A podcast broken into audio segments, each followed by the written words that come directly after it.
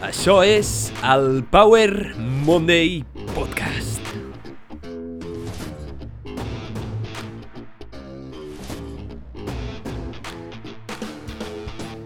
Benvinguts al Power Monday Podcast. Soc en Pau, el teu apassionat de salut, inspiració i ciència, i estic molt agraït de que estiguis escoltant aquest episodi.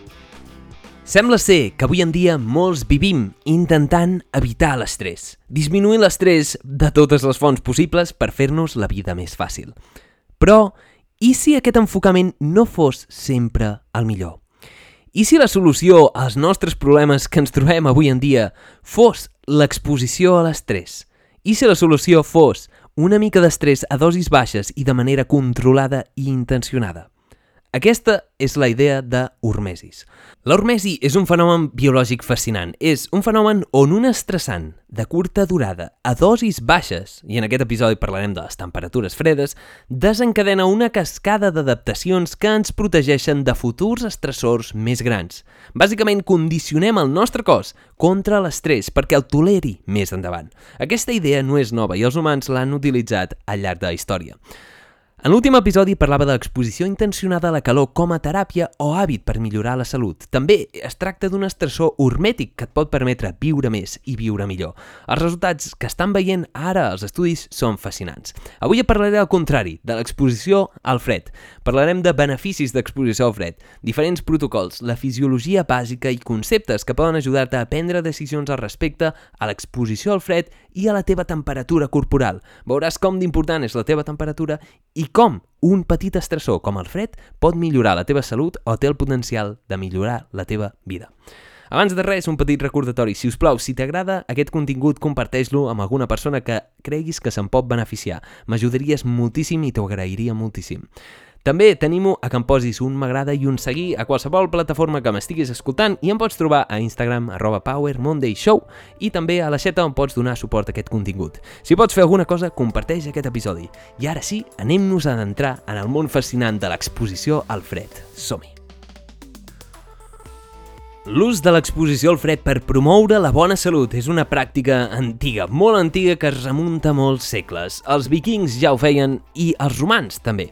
En els temps moderns, però, l'exposició al fred s'utilitza principalment per disminuir el dolor muscular, promoure recuperació d'activitat física i també podria millorar el metabolisme de glucosa, lípids, disminuir inflamació, millorar la funció immune i millorar el rendiment cognitiu. Els beneficis de l'exposició al fred probablement són deguts a aquest efecte hormètic, una resposta biològica a un factor estressant lleu, que desencadena mecanismes protectors que proporcionen protecció, eh, valgui la redundància, davant estressors futurs més nocius. La informació que existeix a internet respecte a l'ús de l'exposició al fred com a eina per millorar la salut o per millorar el rendiment físic o mental és molt extensa, molt variada, poc específica i sovint poc basada en la ciència. L'objectiu d'aquest episodi, doncs, és aportar-te una base, una base d'informació basada en l'evidència que et permeti prendre millors decisions respecte a l'ús de l'exposició al fred per millorar el que sigui, la teva salut, el teu rendiment físic, el teu rendiment mental o l'objectiu que tu tinguis. Parlarem de bases fisiològiques, de com funciona l'organisme, com es readapta i de protocols basats en l'evidència que pots aplicar avui mateix per millorar la teva salut a través del fred. Abans de seguir amb aquest episodi, deixa'm recordar-te que aquest contingut no és cap mena de consell mèdic i que abans d'exposar-te a temperatures extremes, ja siguin elevades o baixes, hauries de consultar-ho amb un professional de la salut. Vull posar molt èmfasis en la seguretat, i és que L'ús de l'exposició al fred com a eina per millorar la salut és molt interessant, però si no s'utilitza adequadament et pot perjudicar a la salut. Per tant, s'han de tenir en compte els riscos associats i no es tracta d'aquí de ser el més valent o veure qui es tira primer a la piscina del fred, perquè això es pot associar a mort, a hipotèrmia i a problemes que podem evitar. Per tant, la seguretat primer. De la mateixa manera que passa amb l'aixecament de peses o amb l'exercici físic, el que es tracta aquí és trobar el punt adequat per tu, la temperatura adequada, sempre prioritzant la seguretat. I és que així actuen els estressors hormètics, actuen en el que diem amb una curva en forma de J. Aquesta curva en forma de J és molt interessant. Et recordo que un estressor hormètic o la hormesis és aquest fenomen adaptatiu a un estrès extern. El que no ens mata ens fa més forts. Però hi ha coses que no ens maten i no ens fa més forts. Aquesta és la curva en J. Perquè si augmentem molt la dosis, augmentem molt l'exposició a aquests estressors hormètics, com les temperatures elevades, les temperatures molt baixes o l'exercici físic, podem causar dany, podem passar al límit de l'adaptació. Per tant, és molt important conèixer en quins rangs ens podem moure individualment per causar una adaptació al cos que després serà beneficiosa. Un exemple molt clar és l'exercici físic i ho entendràs de seguida. Oi que si entrenes una mica, entrenes progressivament i vas augmentant la càrrega o el número de repeticions d'exercici que fas, et posaràs més fort i més endavant podràs fer una millor performance, podràs fer una millor actuació, podràs aixecar més pes o tindràs més rendiment? Però si et passes, si entrenes massa, si corres masses hores, si aixeques un pes que el teu cos no pot tolerar, què passa? Doncs que el teu cos es peta, el teu cos no s'adapta. Entrem en la zona del dany hormètic. Ja no és una zona d'adaptació, sinó una zona de dany. Després, hem de distingir dues coses a l'hora de l'estrès. Hi ha dos tipus d'estrès en general. L'eustrès i el distrès. Eustrès, com l'Eustaqui, i distrès, no sé, no se m'ocorreix cap nom relacionat amb dis.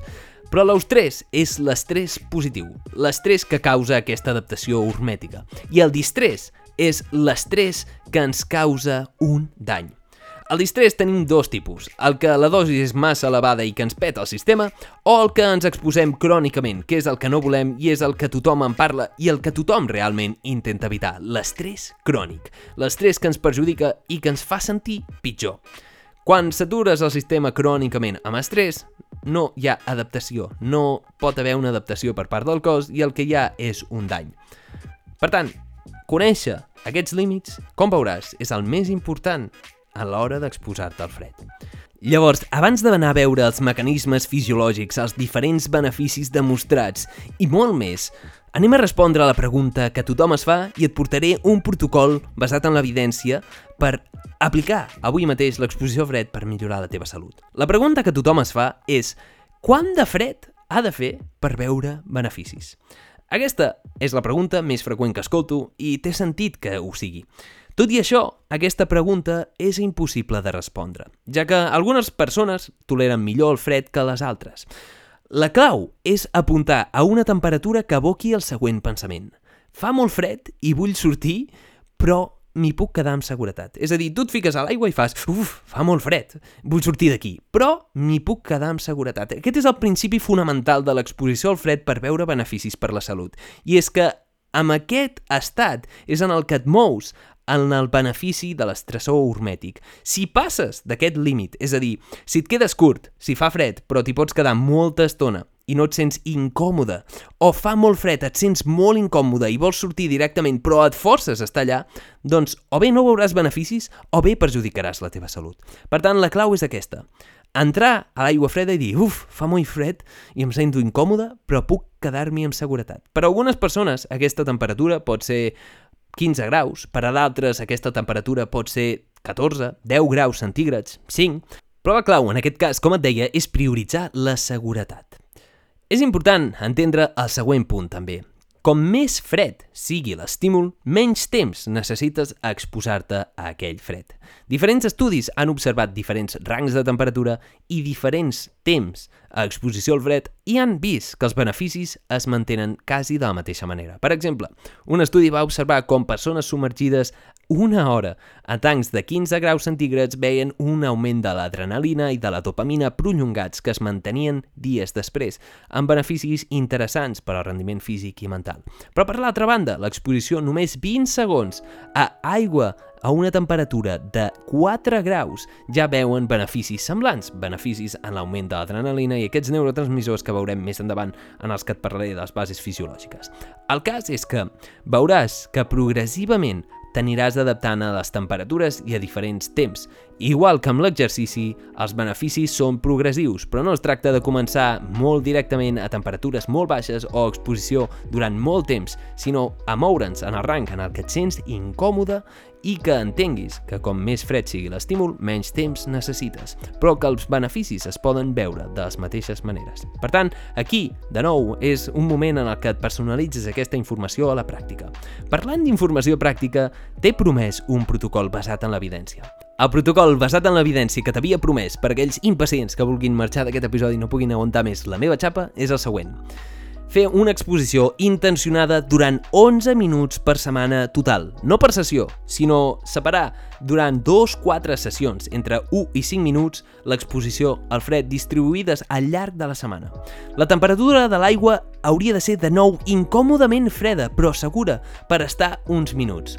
Podeu fer més, però això hauria de ser el mínim per veure els beneficis de l'exposició fred. També podeu fer exposicions molt fredes i molt breus per alliberar adrenalina, però 11 minuts es basen en un estudi recent que va explorar una sèrie d'efectes i és un protocol sòlid no faria falta fer més. En aquests rangs de temps i temperatura ja veuríem beneficis i és el que ha observat la ciència. Entenem per rang per temperatura una temperatura en la que et sentis incòmode però puguis aguantar amb seguretat. Sé que em repeteixo, però és important aquest concepte. Els beneficis els explicarem més endavant, però abans de res, anem a veure les bases fisiològiques. Com pot ser que exposar-nos al fred millori la nostra salut?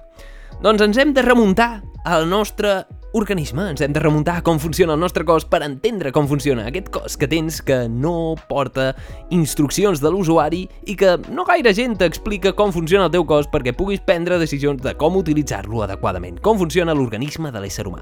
Doncs bé, com bé saps, els humans som mamífers. Sí, sorpresa, ets un mamífer. Som animals de sang calenta. Què vol dir això? Vol dir que nosaltres mateixos regulem la temperatura del nostre cos. Això que no sembla big deal, que no sembla una gran cosa, és molt important, i encara que sembli superobvi, és molt important entendre com funciona el teu sistema de climatització del cos. No som com els rèptils que s'han d'escalfar amb, amb el sol o amb la temperatura que troben a les pedres, sinó que tens un sistema que regula la temperatura dins teu. Hi ha una àrea en el cervell, l'àrea preòptica de l'hipotàlam, que es necessita per regular la temperatura del teu cos. És bàsicament on tens el termostat, de la mateixa manera que en una casa, tens un termostat que té sensors connectats a l'interior i a l'exterior que informen de manera constant quina temperatura fa i en funció de la temperatura que faci, ajusta les accions, mecanismes contraris, mecanismes d'escalfament o refrigeració per mantenir la temperatura estable. Els mecanismes bàsics de refrigeració que té el teu cos són els següents. La vasodilatació, la suor, la respiració, que te'n parlo en l'episodi anterior, en l'episodi 85, on parlo de l'ús de la temperatura elevada, de la teràpia de calor per millorar la nostra salut. Es basa en mecanismes semblants, però no els mateixos. I després tenim els mecanismes d'escalfament al cos, escalfament o manteniment de la temperatura, que són la vasoconstricció, el fet de que inici un comportament d'abrigar-se i la termogènesis, o la generació de calor, que existeixen dos tipus que veurem en aquest episodi. Abans de parlar de fisiologia del fred, hi ha una cosa que és molt important, entendre què coi passa amb la temperatura corporal. Sovint pensem que la nostra temperatura, la temperatura del nostre cos, és estable i que si en cert moment canvia és perquè estem malalts i tenim febre. Però això no és cert. La teva temperatura fluctua al llarg del dia i segueix un cicle constant de 24 hores, que va en relació amb l'òrbita de la Terra al voltant del Sol. Aquesta fluctuació de temperatura és essencial per la teva salut, ja que serveix per harmonitzar les funcions biològiques del teu organisme en cicles de nit i dia.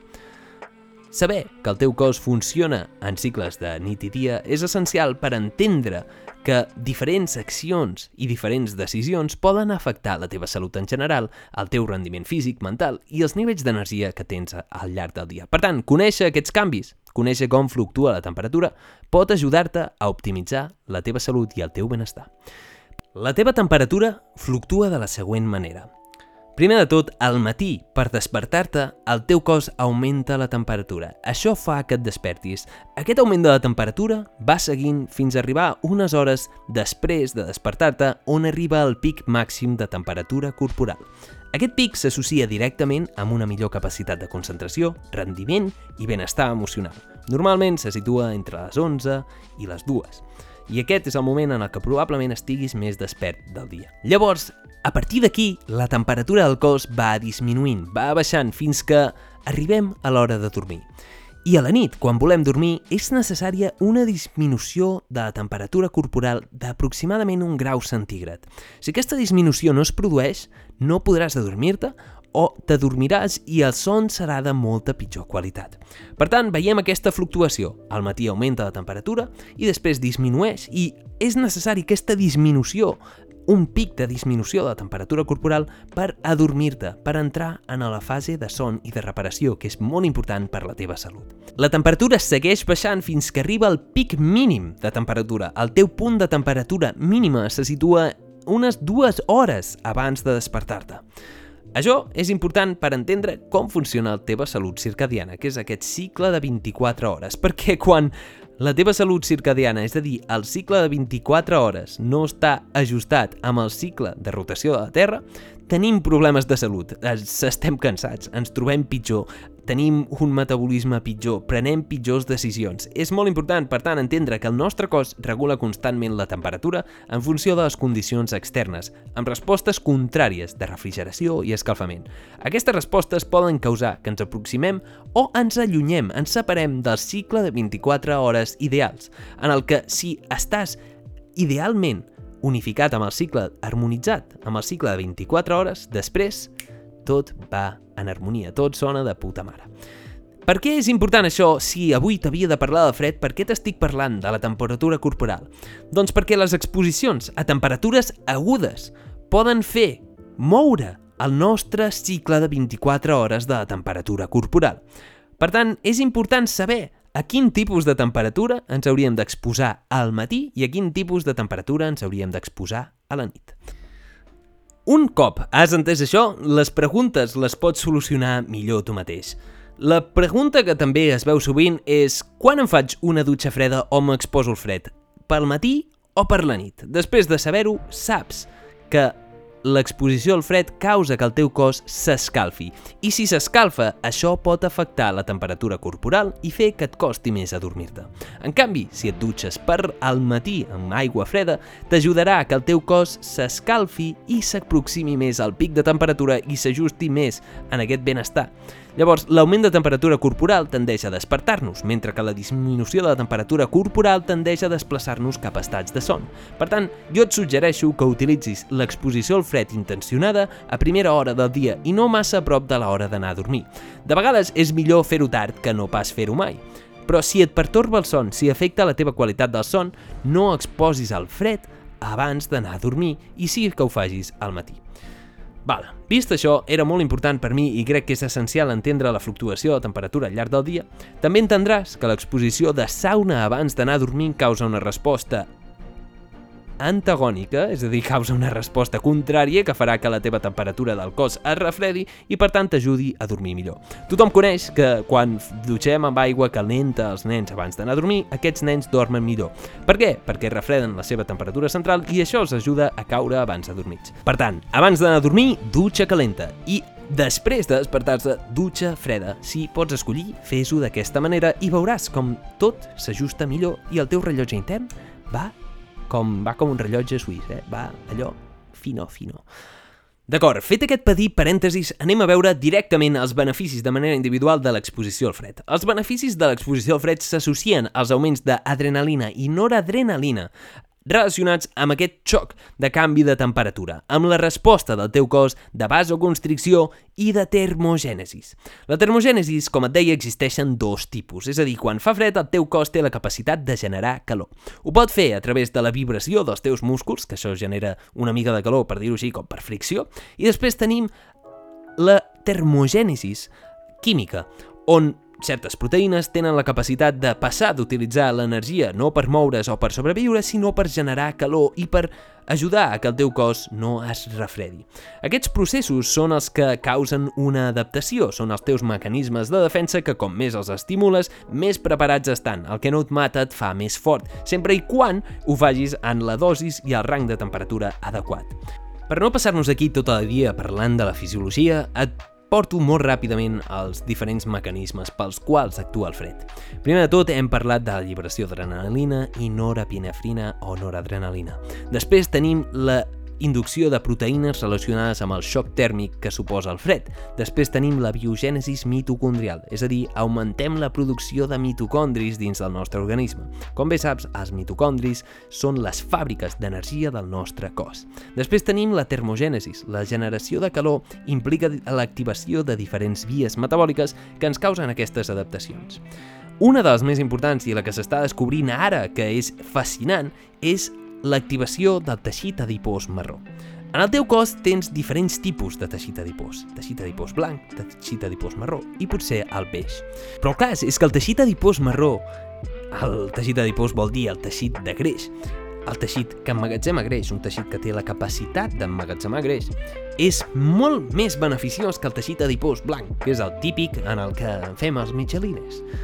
El teixit adipós blanc ens protegeix del fred, també, a l'hora de crear una protecció tèrmica, però el teixit adipós marró té la capacitat de generar energia. De fet, es diu marró perquè té tants mitocondris que quan el mires al microscopi és de color marró. El més curiós de tot és que durant molt temps els científics creien que aquest tipus de teixit només es trobava en els nadons, en els recent nascuts, i que mica en mica, quan ens fèiem grans, el perdíem. Però s'està veient ara que amb l'exposició al fred podem estimular la generació de nous mitocondris i de més teixit adipós marró, que és metabòlicament molt més saludable per nosaltres. I això té beneficis. Aquesta adaptació té beneficis a llarg termini per la salut cardiovascular i per la salut metabòlica. I s'estan veient ara resultats molt interessants amb l'exposició al fred.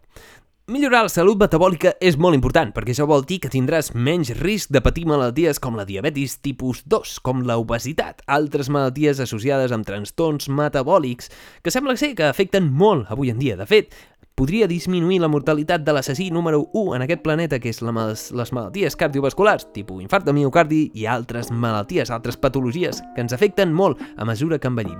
Per tant, enfortir el nostre sistema metabòlic té beneficis. Vol dir que el nostre cotxe, el nostre, la nostra màquina, va més fluida. Per tant, primer benefici, millor salut metabòlica que fa que el teu cotxe, la teva maquineta, vagi molt millor, vagi més fluida. És, és com ficar-li una mica d'oli, eh? exposar-te al fred va, fa que vagis més fi. El segon benefici molt important és la millora en el sistema immune, en el fun la funció immune. Per què és important? Perquè és el sistema que et protegeix de tots els organismes que t'ataquen, els virus, els bacteris i totes aquestes coses que fa que et sentis malament, que et trobis malament.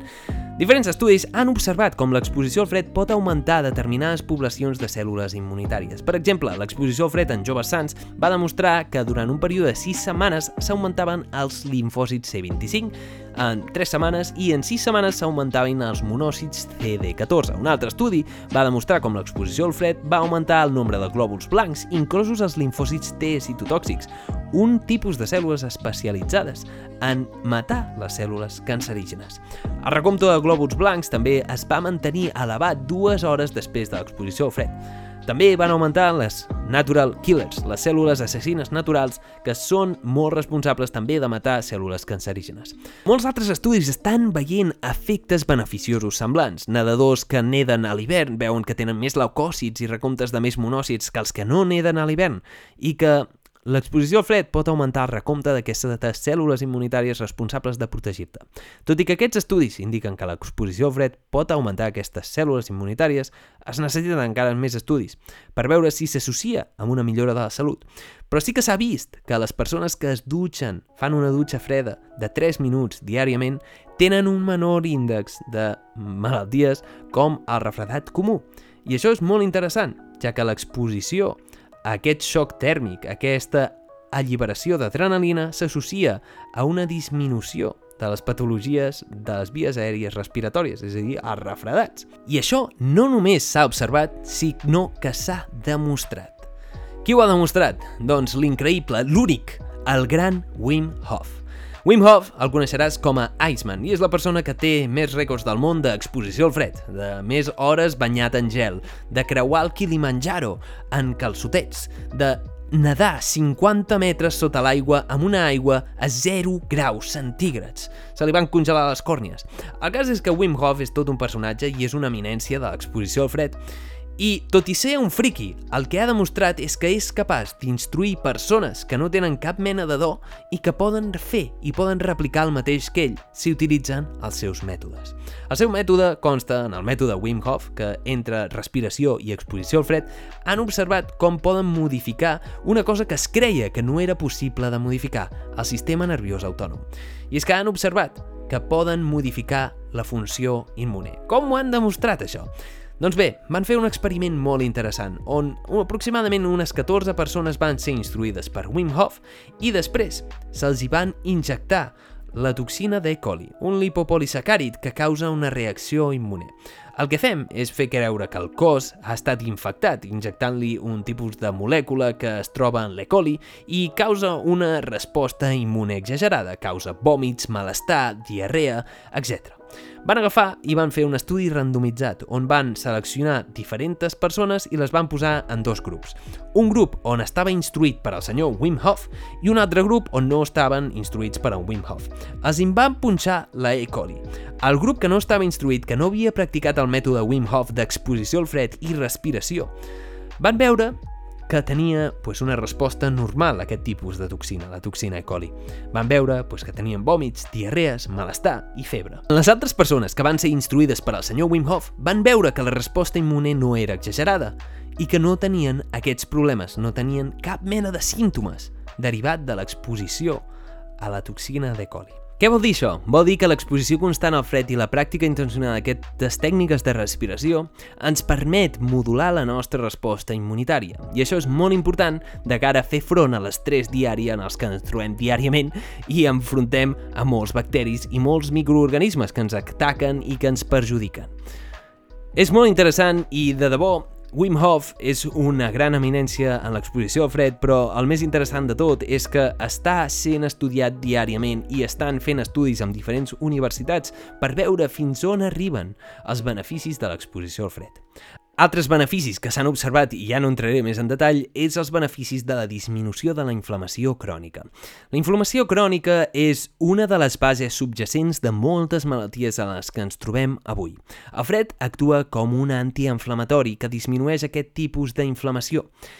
Per això és important entendre com actua el fred, perquè potser no a tothom li interessa disminuir la inflamació. La inflamació no és bona o dolenta en si, sinó que hi ha tipus bons d'inflamació i tipus dolents, o tipus que ens perjudiquen més que d'altres. És necessària la inflamació per generar noves cèl·lules musculars i per crear hipertròfia muscular, és a dir, aquells que entrenen d'entrenaments d'hipertròfia muscular, l'exposició al fred immediatament després d'entrenar no és recomanable. De fet, es recomana esperar 4 o 6 hores per evitar aquest efecte antiinflamatori que ens causi una disminució de la hipertròfia. Però si el teu objectiu no és la hipertròfia muscular i és la millora de la funcionalitat, és a dir, practiques futbol o practiques algun tipus d'esport que el que vols és millorar la teva capacitat de recuperació, l'exposició al fred sí que ha demostrat disminuir les agulletes i el dany relacionat amb l'exercici físic intens. Per tant, si ets un culturista, no facis dutxes fredes entre 4 o 6 hores després d'entrenar o abans i si ets un esportista que el que intenta o fas esport o fas exercici físic o et vols simplement sentir bé i tenir menys agulletes, pots fer-te una freda, una dutxa freda o una exposició freda o un bany amb gel just després de fer l'entrenament. Fins ara t'he parlat de tres diferents beneficis. Els beneficis metabòlics, els beneficis en la salut immunitària i els beneficis de la inflamació crònica. Però no t'he parlat dels més importants, probablement, que són els de salut mental. I és que aquí sí que comencem a tenir bastanta evidència sobre com exposar-te al fred millora la teva salut mental i el teu rendiment cognitiu. Com ho fa això? Doncs bé, un dels mecanismes més importants és la construcció de resiliència o resistència per navegar en aquesta vida. En acceptar l'estrès d'exposició al fred com un repte autodirigit significatiu, és a dir, aguantar un estrès en el que et sents incòmode, el que hem d'activar són les vies de control de dalt a baix, o top-down control, on centres del teu cervell actuen sobre centres cerebrals més profuns que regulen els estats reflexius. Aquest control de dalt a baix implica que el teu còrtex prefrontal posi respecte a altres àrees del cervell i les suprimeixi, i suprimeixi la impulsivitat de sortir d'una situació incòmoda. Aquestes vies, el control de dalt a baix, són la base del que es refereix la gent quan parla de resiliència o valentia. I és important destacar que aquesta és una habilitat que es pot traslladar a situacions fora de l'entorn del fred deliberat. És a dir, L'exposició al fred et pot permetre afrontar millor i mantenir la ment tranquil·la i clara quan t'enfrentis o t'enfrontis a factors d'estrès en el món real. En altres paraules, l'exposició al fred intencionada és un gran entrenament per la ment. I això sí que s'ha observat i s'ha demostrat en molts sentits, ja sigui amb dutxes fredes o ja sigui en balls amb gel. L'exposició al fred és posar-te de manera intencionada a una situació d'estrès. No és el mateix sortir al carrer obligat perquè fa fred. Simplement, el fet de que sigui intencionat, el fet de que t'hagis de forçar a caminar dins d'una situació incòmoda, té beneficis per tu, a nivell mental. I no només estem parlant de nivell mental, de mentalitat, sinó que també es veu que té beneficis a nivell cerebral, a nivell fisiològic. Però ja no m'extendré més, perquè si no això serà una, una classe.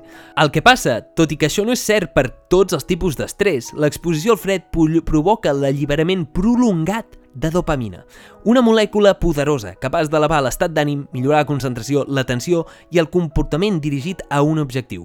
Fins i tot períodes breus d'exposició al fred poden provocar un augment durador de dopamina amb una elevació sostinguda de l'estat d'ànim, l'energia i la concentració. Molt interessant aquests augments de nivells de dopamina que s'han registrat en diferents tipus de temperatura. Per tant, hem vist diferents beneficis. Beneficis en la millora de la salut metabòlica, fer que el teu cos s'hagi d'escalfar amb ell mateix comporta que has de cremar energia i que has d'activar certes vies metabòliques que causen adaptacions que tenen beneficis en els primers en els primers causants de mort en el món, les malalties cardiovasculars o les malalties metabòliques. Després tenim la millora del sistema immune, el que et protegeix de tot el que t'ataca. Aquests augments d'adrenalina i noradrenalina es vinculen amb un augment de les poblacions de certes cèl·lules que et protegeixen i que es podria relacionar amb una millora de la capacitat del nostre cos de defensar-se de malalties com el càncer o refredats comuns. Per últim, tenim la disminució de la inflamació crònica, que es relaciona amb totes les malalties relacionades amb l'envelliment o malalties neurodegeneratives, i també la millora en la salut mental, que no es tracta només de el fet de superar-te, exposar-te al fred, sinó la lliberació de dopamina sostinguda que fa que tinguis un millor estat d'ànim i que et puguis moure més bé en aquest planeta ple d'estrès i ple de situacions incòmodes. Posar-te en situacions incòmodes farà que toleris situacions incòmodes que no controles de millor manera. Sobretot, si ho fas de manera intencionada, exerciràs aquest mecanisme de top-down control. Aquests són els beneficis de l'exposició al fred. I et vull recordar el fet important, si vols començar-te a exposar al fred, comença per una temperatura en la que et sentis incòmode però que sigui segura. Pots començar i els beneficis ja es veuen amb dutxes fredes de dos minuts, o també pots fer banys amb aigua freda, amb gel, fins i tot. Deixa'm recordar-te el protocol basat en l'evidència que t'he mencionat al principi. Són 11 minuts repartits al llarg de la setmana en sessions de 1 a 5 minuts amb 2-4 sessions. Com puguis, com vulguis, però el cas és recordar que l'exposició al fred s'ha de moure en aquest rang hormètic, un rang de temperatura i temps en el que et sentis incòmode, en el que vulguis sortir però que encara sigui segur. Espero que aquest episodi t'hagi agradat molt. Hi ha molta informació a internet que et pot confondre molt. El cas és entendre els processos bàsics i entendre que tampoc fa miracles això, però sí que té el potencial de ser una eina per utilitzar-te i personalitzar-la a les teves característiques individuals per millorar el teu rendiment físic, rendiment mental i optimitzar la teva salut en general. Si vols més informació, pots consultar tots els enllaços que et deixo a la descripció. Et recomano moltíssim que segueixis el senyor Wim Hof i et deixo també enllaços als seus mètodes de respiració, que són com el Tumo Breathing o tipus de respiració Wim Hof, que augmenten també l'adrenalina i que et permeten fer més fàcilment front a l'exposició al fred de baixes temperatures. Ja sigui bany amb gel, dutxa freda, et recomano que practiquis algun tipus d'exposició al fred si s'adequa a la teva salut. I això és tot per aquest episodi. Ei, moltíssimes gràcies per haver escoltat aquest episodi. Espero que t'hagi agradat molt o t'hagi aportat una mica de valor. Recorda, si us plau, si t'ha agradat, comparteix-lo amb alguna persona que creguis que se'n pot beneficiar i m'ajudaries moltíssim a fer arribar més enllà la paraula Power Monday Podcast. Et recordo que em pots trobar moltes plataformes on tenim-ho, on em posis un m'agrada, un seguir. Si m'escoltes des de Spotify, si us plau, posa'm 5 estrelles, així l'algoritme em posarà davant de tot, em posarà a primera fila. També em pots trobar a l'aixeta, on pots donar suport a aquest contingut, i també em pots trobar a Instagram Power Monday Show, on em pots enviar missatges i també pujo encara més contingut. Aquest episodi feia molt temps que el volia fer, és molt interessant, molt extens i en part és una mica complex i he intentat resumir de la millor manera que he sapigut la informació perquè tu la puguis aplicar al teu dia a dia. Queda't amb el protocol bàsic basat en l'evidència, que és el següent, 11 minuts totals a la setmana, no per sessió, sinó repartit en dos, quatre sessions d'una duració de 1 a 5 minuts, distribuïts al llarg de la setmana, ja poden veure beneficis, sempre i quan la temperatura sigui una temperatura en la que et sents incòmode, però segur. La tolerància anirà augmentant a llarg termini, però els beneficis també. Dit això, deixa'm recordar-te, si ningú t'ho ha dit encara, que ets únic, irrepetible, estimat. Ets suficient i ara és un gran moment per prendre acció, així que vés, vés i pren acció. Et desitjo, com sempre, una setmana èpica, plena de creixement personal i ens veiem en el pròxim episodi. Ciao! La veritat és que tinc alguna mica d'experiència amb exposició fred, no amb temperatures molt radicals, però heu d'anar amb compte, perquè es poden fer lesions. M'han sortit panellons més d'una vegada per exposar-me de manera estúpida al fred. Així que cuida't de tu i exposa't sàviament al fred.